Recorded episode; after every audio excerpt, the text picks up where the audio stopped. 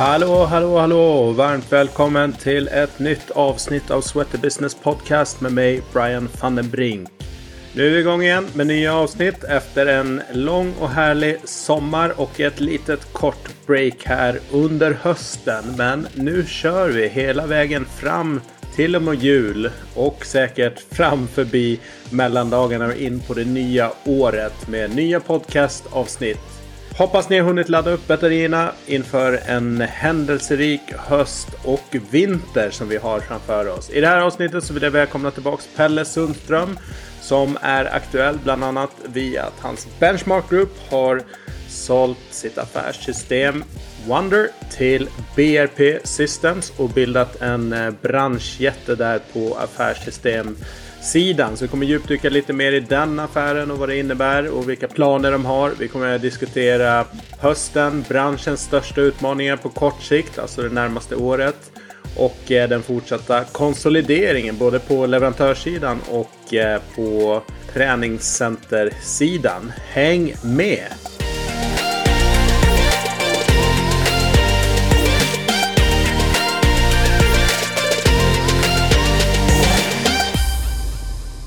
Ja men varmt välkomna tillbaks till Sweaty Business-podden. Varmt välkommen Pelle Sundström. Tackar, tackar. Kul att vara här. Ja, härligt att ha dig här. Det här är ju omstarten av Sweaty Business-podden hösten 2023. Vi har kört ett gäng avsnitt i, under sommaren. Eh, snurra tillbaks och lyssna där på intressanta eh, tankar med de gästerna. Och eh, när det här sänds då så är vi en bit in i september. Så eh, nu rullar vi på under hösten. Eh, ungefär varannan vecka. Um, ja men jag bjuder in dig Pelle tillbaks för att vi har bra, bra snack och du är som jag också en person som gillar att kolla på the big picture och spana och fundera över trender och skeenden. Um, och sen är du ju i allra högsta grad involverad i, i branschen. Uh, Benchmark Group som då har sålt av Kraftmark till Vartex innan sommaren blev den affären klar. Och sen har ni ju Foodbox. Och sen precis innan sommaren eller under sommaren så blev det klart att ni, ert varumärke och liksom företag Wonder då har slagits ihop med um, BRP Systems och bildat en, ja, en liten branschjätte där på affärssystemsidan. Eh, bägge varumärkena blir kvar, eh, lite olika produkter och förmodligen lite olika målgrupper. Men kan du berätta lite grann varför sålde ni?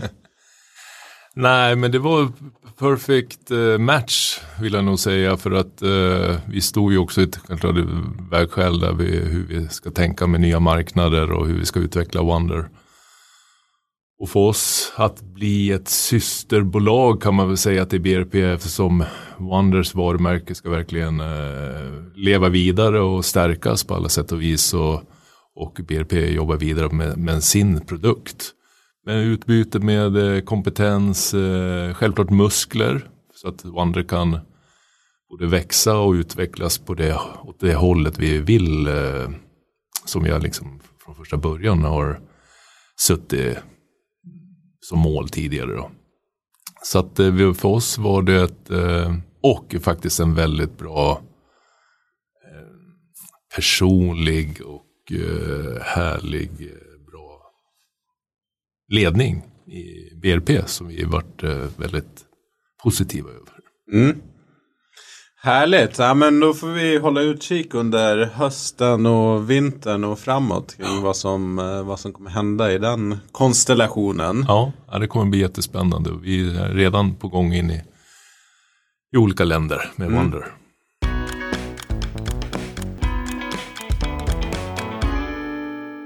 Du, ehm, jag tänkte också så här eh, att det här i och med att det är en avstamp på hösten så här.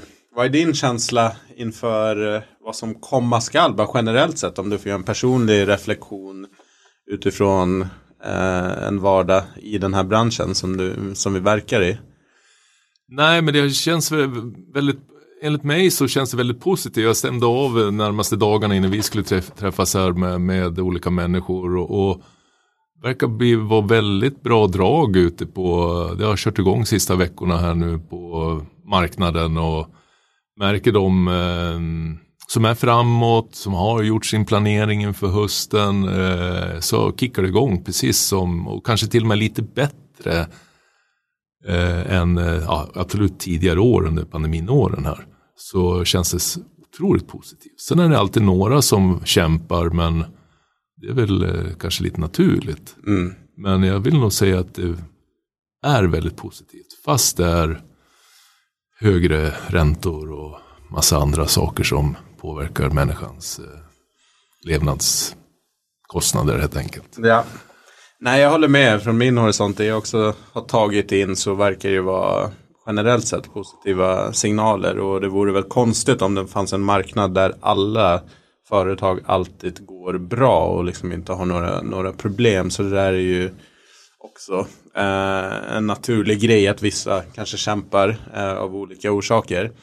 Eh, men eh, jäklar, det är inte kul när man handlar mat.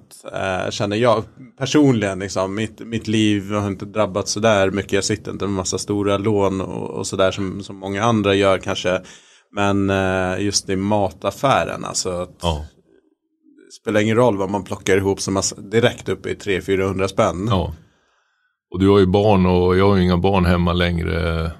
Så, och jag märker ju av och jag vill köpa rätt så bra mat. Men jag tror ändå vår bransch, så förutom att det blir tuffare och högre kostnader så måste vi hela tiden titta på hur kan vi öka omsättning eller merförsäljning. Mm. Det tror jag liksom är en nyckel för att bara öka priset på kanske medlemskapet kan till viss del vara en utmaning men människor vill ha andra, vill ha hjälp helt enkelt. Men vad ser du bara, vad är det för brister? Förutom för att gym traditionellt sett, om vi liksom tar ett generellt gym, det är liksom medle- intäktssidan då, medlemskap, eh, PT, shop slash retail. Eh, ja, det är väl liksom de stora intäktskällorna generellt sett. Sen kan det finnas vissa som har olika koncept och sådär, men jag skulle inte säga att det är det, det vanliga. Men vad, vad menar du då? Nej, men en utmaning som jag ser och har mycket kontakt med olika gym. Det är att många har, eh, gymmen har streamlinat sig mot så kallad nyckelgymsmodellen. Alltså lite mindre personal eh, och, och har oftast då inte resurserna att svänga om till mer försäljning. Så mycket när vi, när vi pratar med dem, eller jag pratar med dem så, eller jag, vi, vi har inte den personalen för att kunna göra den försäljningen, eller vi har inte den tiden att kunna göra den försäljningen. Och där ser jag som en mm, stor liksom brist att man kan inte svänga om, man har sitt, man kanske har öppet x antal timmar per dag där man säljer medlemskap och så vidare. Och skulle man då så ha mer försäljning, dels kanske man inte har kunskapen men också många gånger inte personalen. Och det, det gör ju att, att kunna göra mer försäljningen är oftast one-to-one försäljning Mm. och inte direkt på nätet. Och då eh, har de svår, svårt att styra om den. Och då tittar de istället på att höja priset som kanske är en, tuffare del om, beroende på om de har, vilken produkt de har då. Och jämförs då med kedjorna och på olika sätt och vis. Då är det inte så enkelt att höja det med 100 spänn i månaden eller vad det nu är för någonting. Ehm, så det ser jag som en utmaning att igen då att vi är bara tydligare och tydligare nu när marknaden håller på att konsolideras och att diversifiering blir ännu viktigare. Då.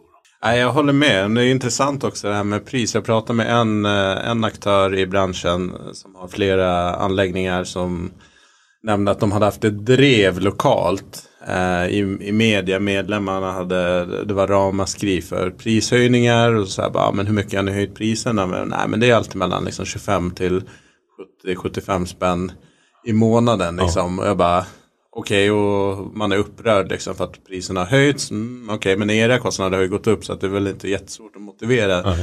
Och sen samtidigt, jag hade mm, fått höjningar med 25% på mina tjänster hos Apple och Google. Deras mail kom typ med några dagars varsel i, under sommaren och sen kom Netflix också Ja. med, med en höjning och Spotify i liknande liksom trakter. Ja. Då har vi ett gym som kanske höjer med några procent och sen har vi de här jättarna som höjer bara 25 procent. Det är en Ja. ganska rejäl prishöjning. Jag tror gymbranschen skulle ju bara drömma om att kunna höja priserna Ja. med 25 procent i ett svep. Liksom. Men där bara köper man det. Ja. För att det är som så här, ja, vad, vad har jag för alternativ liksom? Jag, jag sitter ju med de här grejerna. Ja, vad är dreven då? Vad, vilka hänger ut? Jag har inte sett några artiklar eller drev. Sådana saker. Nej. Och inte så mycket om matpriserna heller direkt. Mm, nej men det är jättetrist och jag funderar också så här, men vad är det som gör då att folk just på, verkar i det här fallet, gymmedlemskap, att Jag vill säga det, det, det, att de engagerar sig, om det nu är ett drev där folk säger sitt, sina tankar. Det visar ju på att de bryr produkten är viktig för dem. Ja, ja absolut. Eh, så det kan ju också vara positivt i sig. Mm. Att de, för hade inte produkten varit viktig, då hade de inte brytt sig att kommentera eller säga någonting om det. Nej. Nej, då hade man ju antingen låtit det vara eller, ja, eller sagt ja, upp ja, ja. medlemskapet. Så att, eh, det är väl positivt. Men det är ändå intressant att man Ja. är liksom branschens fel att det har varit så mycket priskommunikation. och Liksom vi har pressat Ja. generellt sett priserna så lågt liksom, så att vi är tryckta mot väggen Ja. och sen när man försöker ta sig därifrån då reagerar folk bara wow, vänta nu. Ja, det är...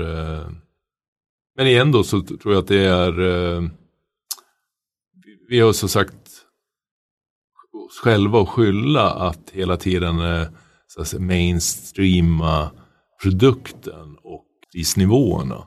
Där är liksom, vi vet liksom att olika produkter kan man ta mycket mer betalt för. Mm. Och eh, eftersom jag äger också ett, ett eget gym och har foten i myllan.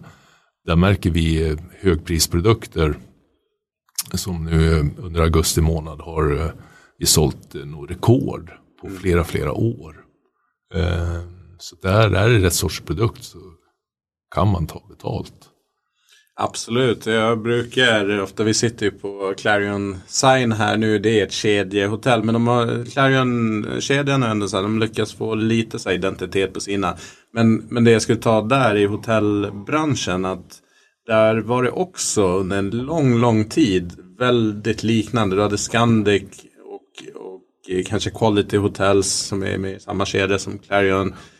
Ganska liksom identitetslösa hotell. Liksom. Du, du fick samma ungefär överallt. Och sen har du till exempel S-Group som kom in med sina liksom väldigt nischade och extremt tydlig identitet på varje, alltså man skapar verkligen ett nytt koncept för varje hotell. Det är inte så här, nu har vi det här konceptet så kör vi samma fåtöljer på alla, alla hotell och liksom prisnivån på en annan, lite annan nivå. Kanske basnivån liknande men liksom med tilläggstjänster och produkter och mer Ja. du stannar en hel helg och så äter du mat och, Ja, ja. och bastar och det är spa och det är ditten och datten. Och går hur bra som helst. Och det är ju hela deras affärsmodell. De hade ju, jag lyssnade på en av deras föreläsningar och eh, hela deras affärs, affärsmodell byggde ju på att behålla dem en eller två dygn. Det var 4 000 extra eh, ja, per dygn att de skulle handla i baren eller mm. spat eller någonting sånt där. Så det var ju hela, de hade ju en hel modell över det. Ja men så är det intressant. Så där kan man ju vara um, inspirerad. Så S-Group om man inte har koll så Steam Hotel, Ellery Beach House. Eh, Ystad, Saltsjöbad tror jag Ja, också ja, med i den. Falkenberg. Ja. Det är ju en kedja fast Ja. unika liksom, koncept på, på varje. Och det är en jäkligt intressant strategi att göra en kedja fast med helt olika varumärken. Ja, de tittar jag mycket på. Jag tror jag bott på de flesta faktiskt. Och jag tycker det bara är kul att vara där och titta hur personalen agerar. Och, och ja, antagligen har de någon form av utbildning och hur de ska hälsa och hur de ska ta hand om kunderna. Garanterat. Tror vi får se det på um, gymscenen eller träningsscenen. Att, Jag hoppas det, för det är den enda vägen att gå. Jag vet inte vilken väg man, om man ska nu, om eh, nu branschen håller på så att säga konsolideras och man, då är diversifiering viktigare. Tar man så att säga produkten i sig, vad mycket annorlunda kan man göra då? Går man till hotell, ja du ska sova, sängen ska vara skön, eh, maten bra, men vad är det från designen på hotellet självklart. Men sen kommer det oftast till mjuka delarna, alltså personalen, omhändertagandet, servicenivån. Det är vi, jag var på en liten resa i somras här också och var runt på ett antal hotell på Mallorca. Eh, där vi gjorde en, två nätter på olika ställen.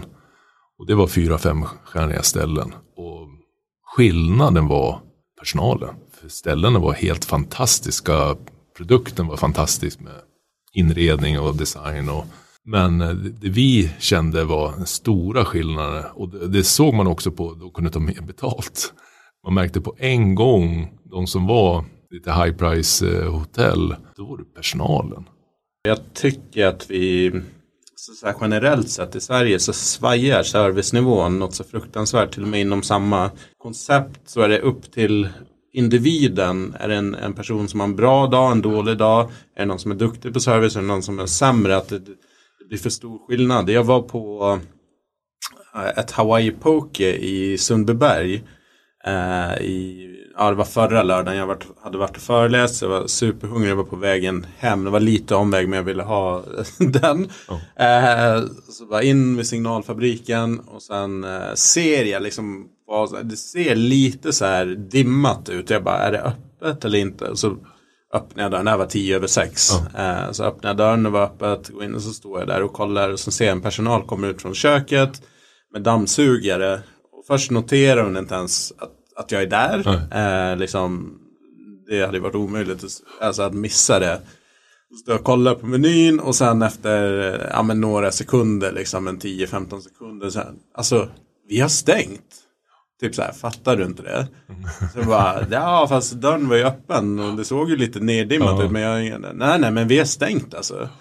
Så här, den situationen så här, antingen lås dörren ja. eh, så att ingen kommer in.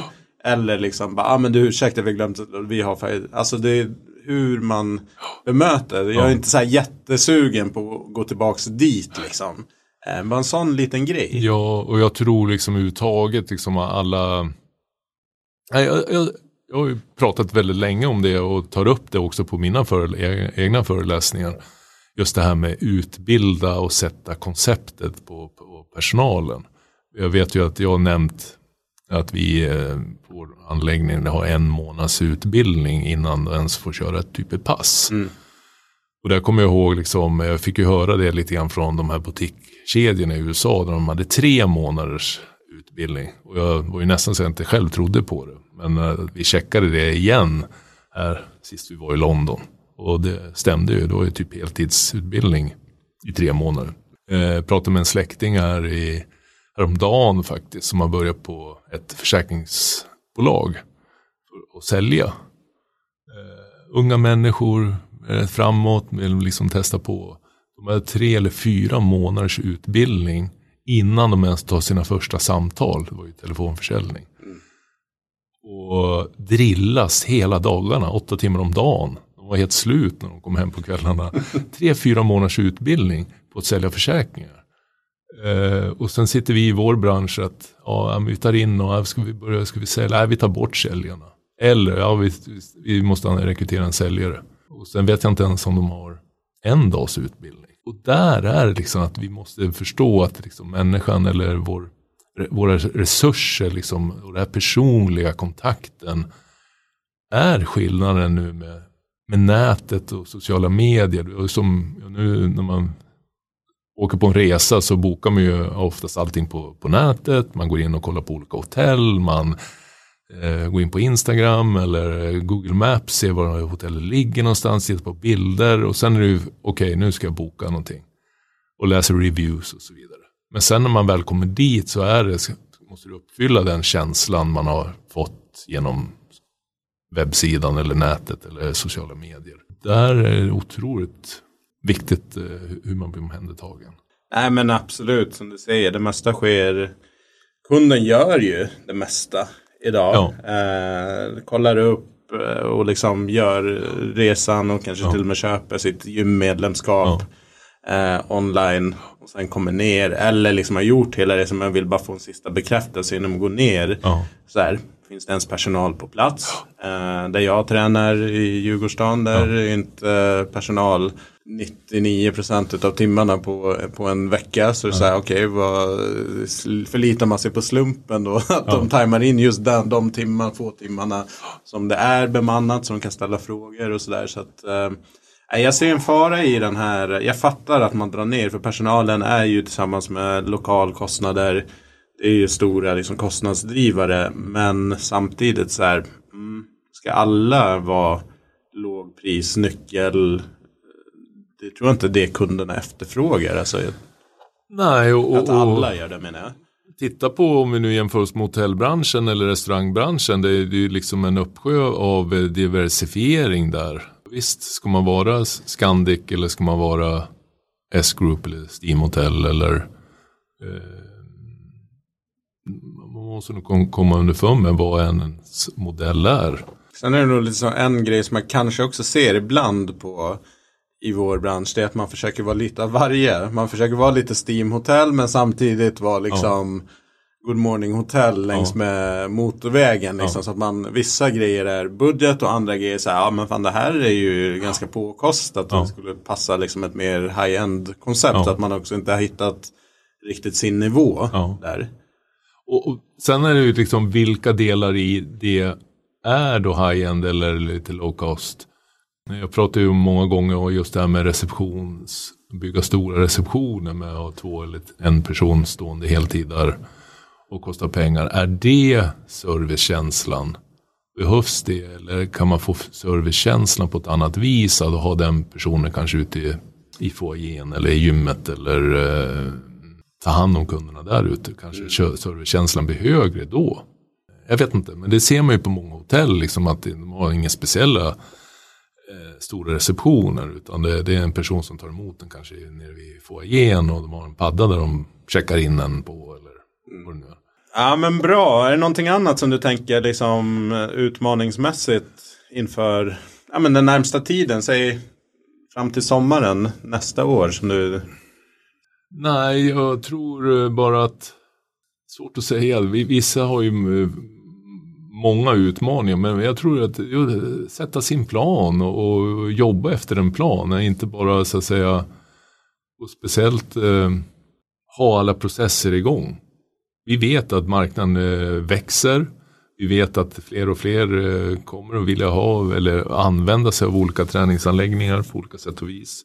Så vi måste bara vara där och synas. Mm. Eh, ja, utmaningen är ju att förstå sociala medier och Eh, säljprocesserna och, så vidare. Och leverera en produkt. Hela tiden checka av. Varje dag. Igen då att eh, utvecklingen går så pass snabbt. Eh, I vår bransch med, med ja, produkter, träningsmetodik, träningsfilosofi. Så det gäller att vara med och förstå affärstänket utan också förstå träningen. Jag vill nog säga att det liksom, ja, utmaningar, det, jag kan inte säga om det, om det är krig eller om det är el eller om det är det är nog det största, för annars tror jag faktiskt vi har en väldigt positiv framtid. Nej men det tror jag också. Det understryks ju när Sats släppte sin eh, Q2-rapport här eh, i, ja, för några veckor sedan. Eh, där man har rekordresultat och liksom verkligen har vänt och jag har hört från andra. Som att det, det, det blåser åt ett håll och tittar man på de stora europeiska drakarna Basic Fit och Pure Gym och liknande så är det ju full gas framåt. Trots liksom kortsiktigt med konjunkturläget, inflation, liksom kostnads, kostnaderna skjuter i höjden så tror man ändå så här på sikt så är det en bra eh, business att vara i. Det var väl lite grann det vi förespådde och lite grann som en annan som hållit på över 35 år i branschen. Vid lågkonjunkturer så ser vi en liten ökning. Mm. Eh, så att, jag vill nog säga att det är positivt. Och, och, Folk drar ner kanske på de här större investeringarna, stora långa resor eller dyra resor. Eller köpa huset i fjällen eller vad det nu är för någonting. Ja större investeringar. Men att sen kanske, jag vet inte, pandemin kanske gjorde att folk tänkte till mer. Man får ju hoppas det. Ja, jag, jag, jag ser positivt på det faktiskt.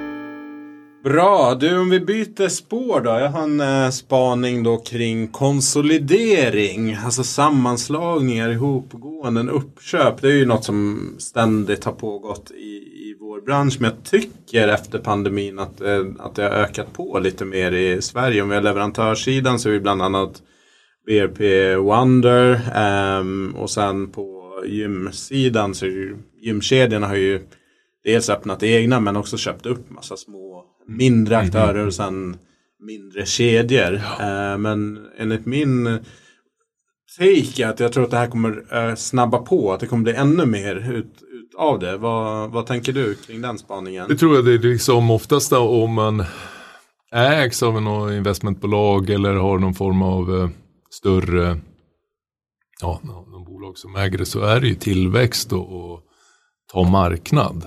Det, det, finns ingenting annat. Så den, den kommer att bli, det, kommer att hända mer mm. sådana saker. Men jag vill säga att eh, konsolideringen i sig eh, och samtidigt så ökar marknaden och jag, jag, vet inte vilka procent det ökar med men de spår ju att den ska öka med liksom fram till 2030 liksom med nästan kanske 10 procent. Mm. Och då, då kommer det finnas en del av kakan att sno ändå. Jag tycker det är intressant om man ser på konsolidering på så vis att det öppnar ju upp för diversifiering. Om man nu har ögonen öppna och tittar på, okej okay, det här konsolideras i den här staden. Eh, det, ja, vi kan ta Västerås där, där eh, finns ett antal olika kedjor. Där det har köpts upp en del anläggningar, byggts nya anläggningar. Så det är liksom rätt så stora kedjor finns där.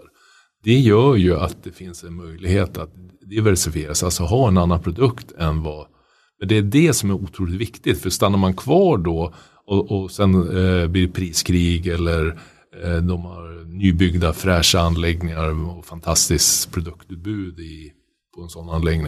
Och stannar man då kvar i säga, samma folla då, eller samma marknad, mm och då blir det tuffare. Det är samma sak på leverantörssidan som på du, ja, gymsidan då. Då gäller det att ta stegen därifrån. Hur kan vi diversifiera vår produkt? Och därmed också inte komma in i så säga, samma priskategori. Mm. Så jag delvis tycker den är bra. Del, delvis för att det blir större bolag som så att säga, affärsvärlden får syn på vår marknad. Det gör att många kan ja, växla in och göra kanske något annat eller också få muskler och kunna starta andra företag. Mm. Och sen eh, och för den eh, som driver en verksamhet kan då eh, ta steg åt andra hållet. på leverantörssidan och på gymsidan. Så jag tycker bara den är i sig positiv. Mm. Fast den är, man blir rädd i första andetaget. Om man säger så ja men absolut. Men det är ju också så här, man tittar andra branscher så kanske man, så här, hamburgare eller snabb, snabbmat. Bara, men har, har McDonalds och Max tagit över allt? Nej, det Nej. finns fler hamburgare smak ja. än någonsin. Ja, och sen kommer de här småkedjorna, ja. om man nu säger småkedjan, Bastard Burger och allt vad de nu heter för någonting. Och sen blir de så pass stora som de blir en del av eh, etablissemanget. Yes. Och då kommer det upp en ny som gör ännu godare burgare. Som går jättebra yeah. under ett tag och så vidare. Så det visar ju bara på att eh, hela, ja, om man tittar på den marknaden, liksom att då, då finns det chans att diversifiera sig på burgaraffärsområdet. Mm. Eh, så att, ja, jag tycker det är både spännande, det är självklart när man själv driver någonting just i den lokala marknaden så blir det kanske en chock då om säg, en stor kedja eller flera kedjor går in i den staden. Ja, då gäller det bara att springa. Men äh, mitt råd är spring åt andra hållet. Ja, gör Försök inte kriga annat. med att stoppa in, äh, tar in tre nya löparband och sänker priset. Mm. Då är, det såg man ju många gånger har jag sett liksom att ja, men nu kommer den och den kedjan in. Ja, men då, vi behöver utöka vår konditionsavdelning eller vi behöver göra det här och sen parerar vi genom att göra några kampanjer eller sänka priset eller någonting. Så det är livsfarligt. Mm. För att de andra har musklerna att uh, uthärda det men också köpa in 40 löparband. eller vad det nu är för någonting. ja, nej verkligen. Jag skrattar. Alltså det är bara, det, det, det är så, det är inte heller sällan det ser ut så. Liksom som vi diskuterade innan, det kanske inte är där konkurrensen egentligen står i kundens ögon utan det är, det är andra grejer som man kanske kunderna faktiskt värderar snarare än de har alltid öppnat ett nytt och fräschare gym, garanterat. Ja. Liksom. Men vad, vad, fyller du med? Ja. Ja. Men eh, om jag får fråga dig, om du skulle öppna ett, eh, ett gym, studio eller någonting idag, liksom, blankt, vad, vad skulle du ha satt in dina pengar på för typ av verksamhet? Nej, jag, jag skulle, eh, någon form av gruppträning. Eh, mindre, lite högre prisnivå och, och då satsa på eh, någon form av träningsprodukt som eh, yes, snabba resultat, roligt. Jag skulle också titta lite mer på kanske lite biohack-produkter. Mm. Det känner vi det som tittar man och följer väldigt mycket USA och England så är det mycket kanske nya biohack-tankar som kommer in. Och kanske inte bara träning. Där är det ju verkligen om det är kallbad eller infraröd mm. bastu mm. eller kanske kost också för den delen. Någon form av kombination där. Jag, ja. ja. Nej, det är superintressant och jag tror verkligen att biohacking-grejen kommer, kommer växa. Jag såg att Hagabadet nu har en investerat i någon egen avdelning med okay. bland annat infraröd bastu och tror jag någon slags kryo-variant. Så, där, så att det kommer igång. Men det är också intressant att betalningsregler, för det är så här, det finns ingen benchmark så här, mm, men den här grejen kostar X kronor Nej. där, utan det är så här, jag vet inte vad Hagabadet kommer ta för sina behandlingar, Nej. men det är inte billigt liksom. De Nej, och jag har hört liksom vissa typ sitta 25 minuter 800 spänn i en ja. liten infraröd bastu. Det är rätt så. Mm. Och den är ju intressant då. Ja. Om du kan dra iväg ett gäng sådana timmar per ja. dag. Som tickar på liksom. Nej, det, det är välmående, välbefinnande. Folk liksom vill ju söka efter olika saker på, på typ lite retreat eh, produkter på något vis. Mm. Alltså vad, vad om man åker till ett retreat utomlands, liksom, vad är det för produkter de har där? Kan man få in det här? Sen kanske inte det är på varenda vardag, men, men på en helg så vill man ha lite retreat-produkter. Mm. Vad det nu är för någonting. Och sen om det är, ja, det finns ju inte uppsjö med massor med olika saker där. Ja, det, det är en sak som jag går och tänker på. Mm. Eh. Nej, och det finns ju inte på var, varannat ställe direkt heller i, i dagens Nej. läge. Så hela den här välmående eller wellness som blir lite luddigt sådär men Ja, för tidigare var det gymmen, då, eller för länge sedan, och då hade man en spa, ja då var det en bubbelpool eller eh, som vart äcklig efter ett tag. Och eller inte funkade. Eh, och det var dyrt att hålla igång. Men jag tror ändå liksom någon kombination av typ kanske sådana saker. Men det är också intressant där också att nå en annan målgrupp. Är det ja. plötsligt folk som kanske kommer in bara för en behandling eller någonting som inte är jag är inte ens intresserad av, ja. det är inte gymmet, träningen som jag kom hit för utan det är för andra grejer. Så har man helt plötsligt en, lite nya målgrupper som man kan plocka upp och ja, till en helt annan intäkt ja. också.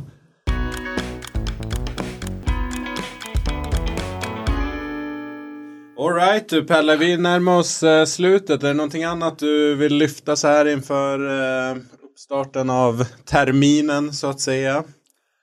Nej, bara kör. Jag tror det, det ser otroligt positivt ut framöver. Håll koll på era marknadsplaner, säljprocesser, eh, var ner på detalj. Mm. It's all about the details. Eh, kolla vad, vad, om det inte kommer in leads eller det inte kommer in tillräckligt med folk eller det slutar för mycket folk. Vad är det som gör det? Var nere på detaljer och analysera dagligen. Måste vara, bli galen i att kolla detaljer. För det är detaljerna som gör slutresultatet. Mm. Och ser det också på lång sikt. Eh, och när det går bra, då ska man vara orolig för när det ska gå dåligt. Så lika bra att jobba hårt nu. och när det går dåligt, då ska du vara orolig för det. Ja. Jobba ännu hårdare. så det är ett hårt jobb. Ja. Det är väl min... Affärslivet i ett nötskal. Man får aldrig vara riktigt nöjd. Ständig ångest. Ja. Men eh, ja, jag vill peppa alla att det, det känns bra där ute. Mm. Sen självklart så är det alltid någonting man behöver hugga tag i. Absolut. Du, eh, stort tack för det här, för att du tog dig tid. Kul att snacka med dig. Ja, tack Brian. Kul att vara här. Härligt.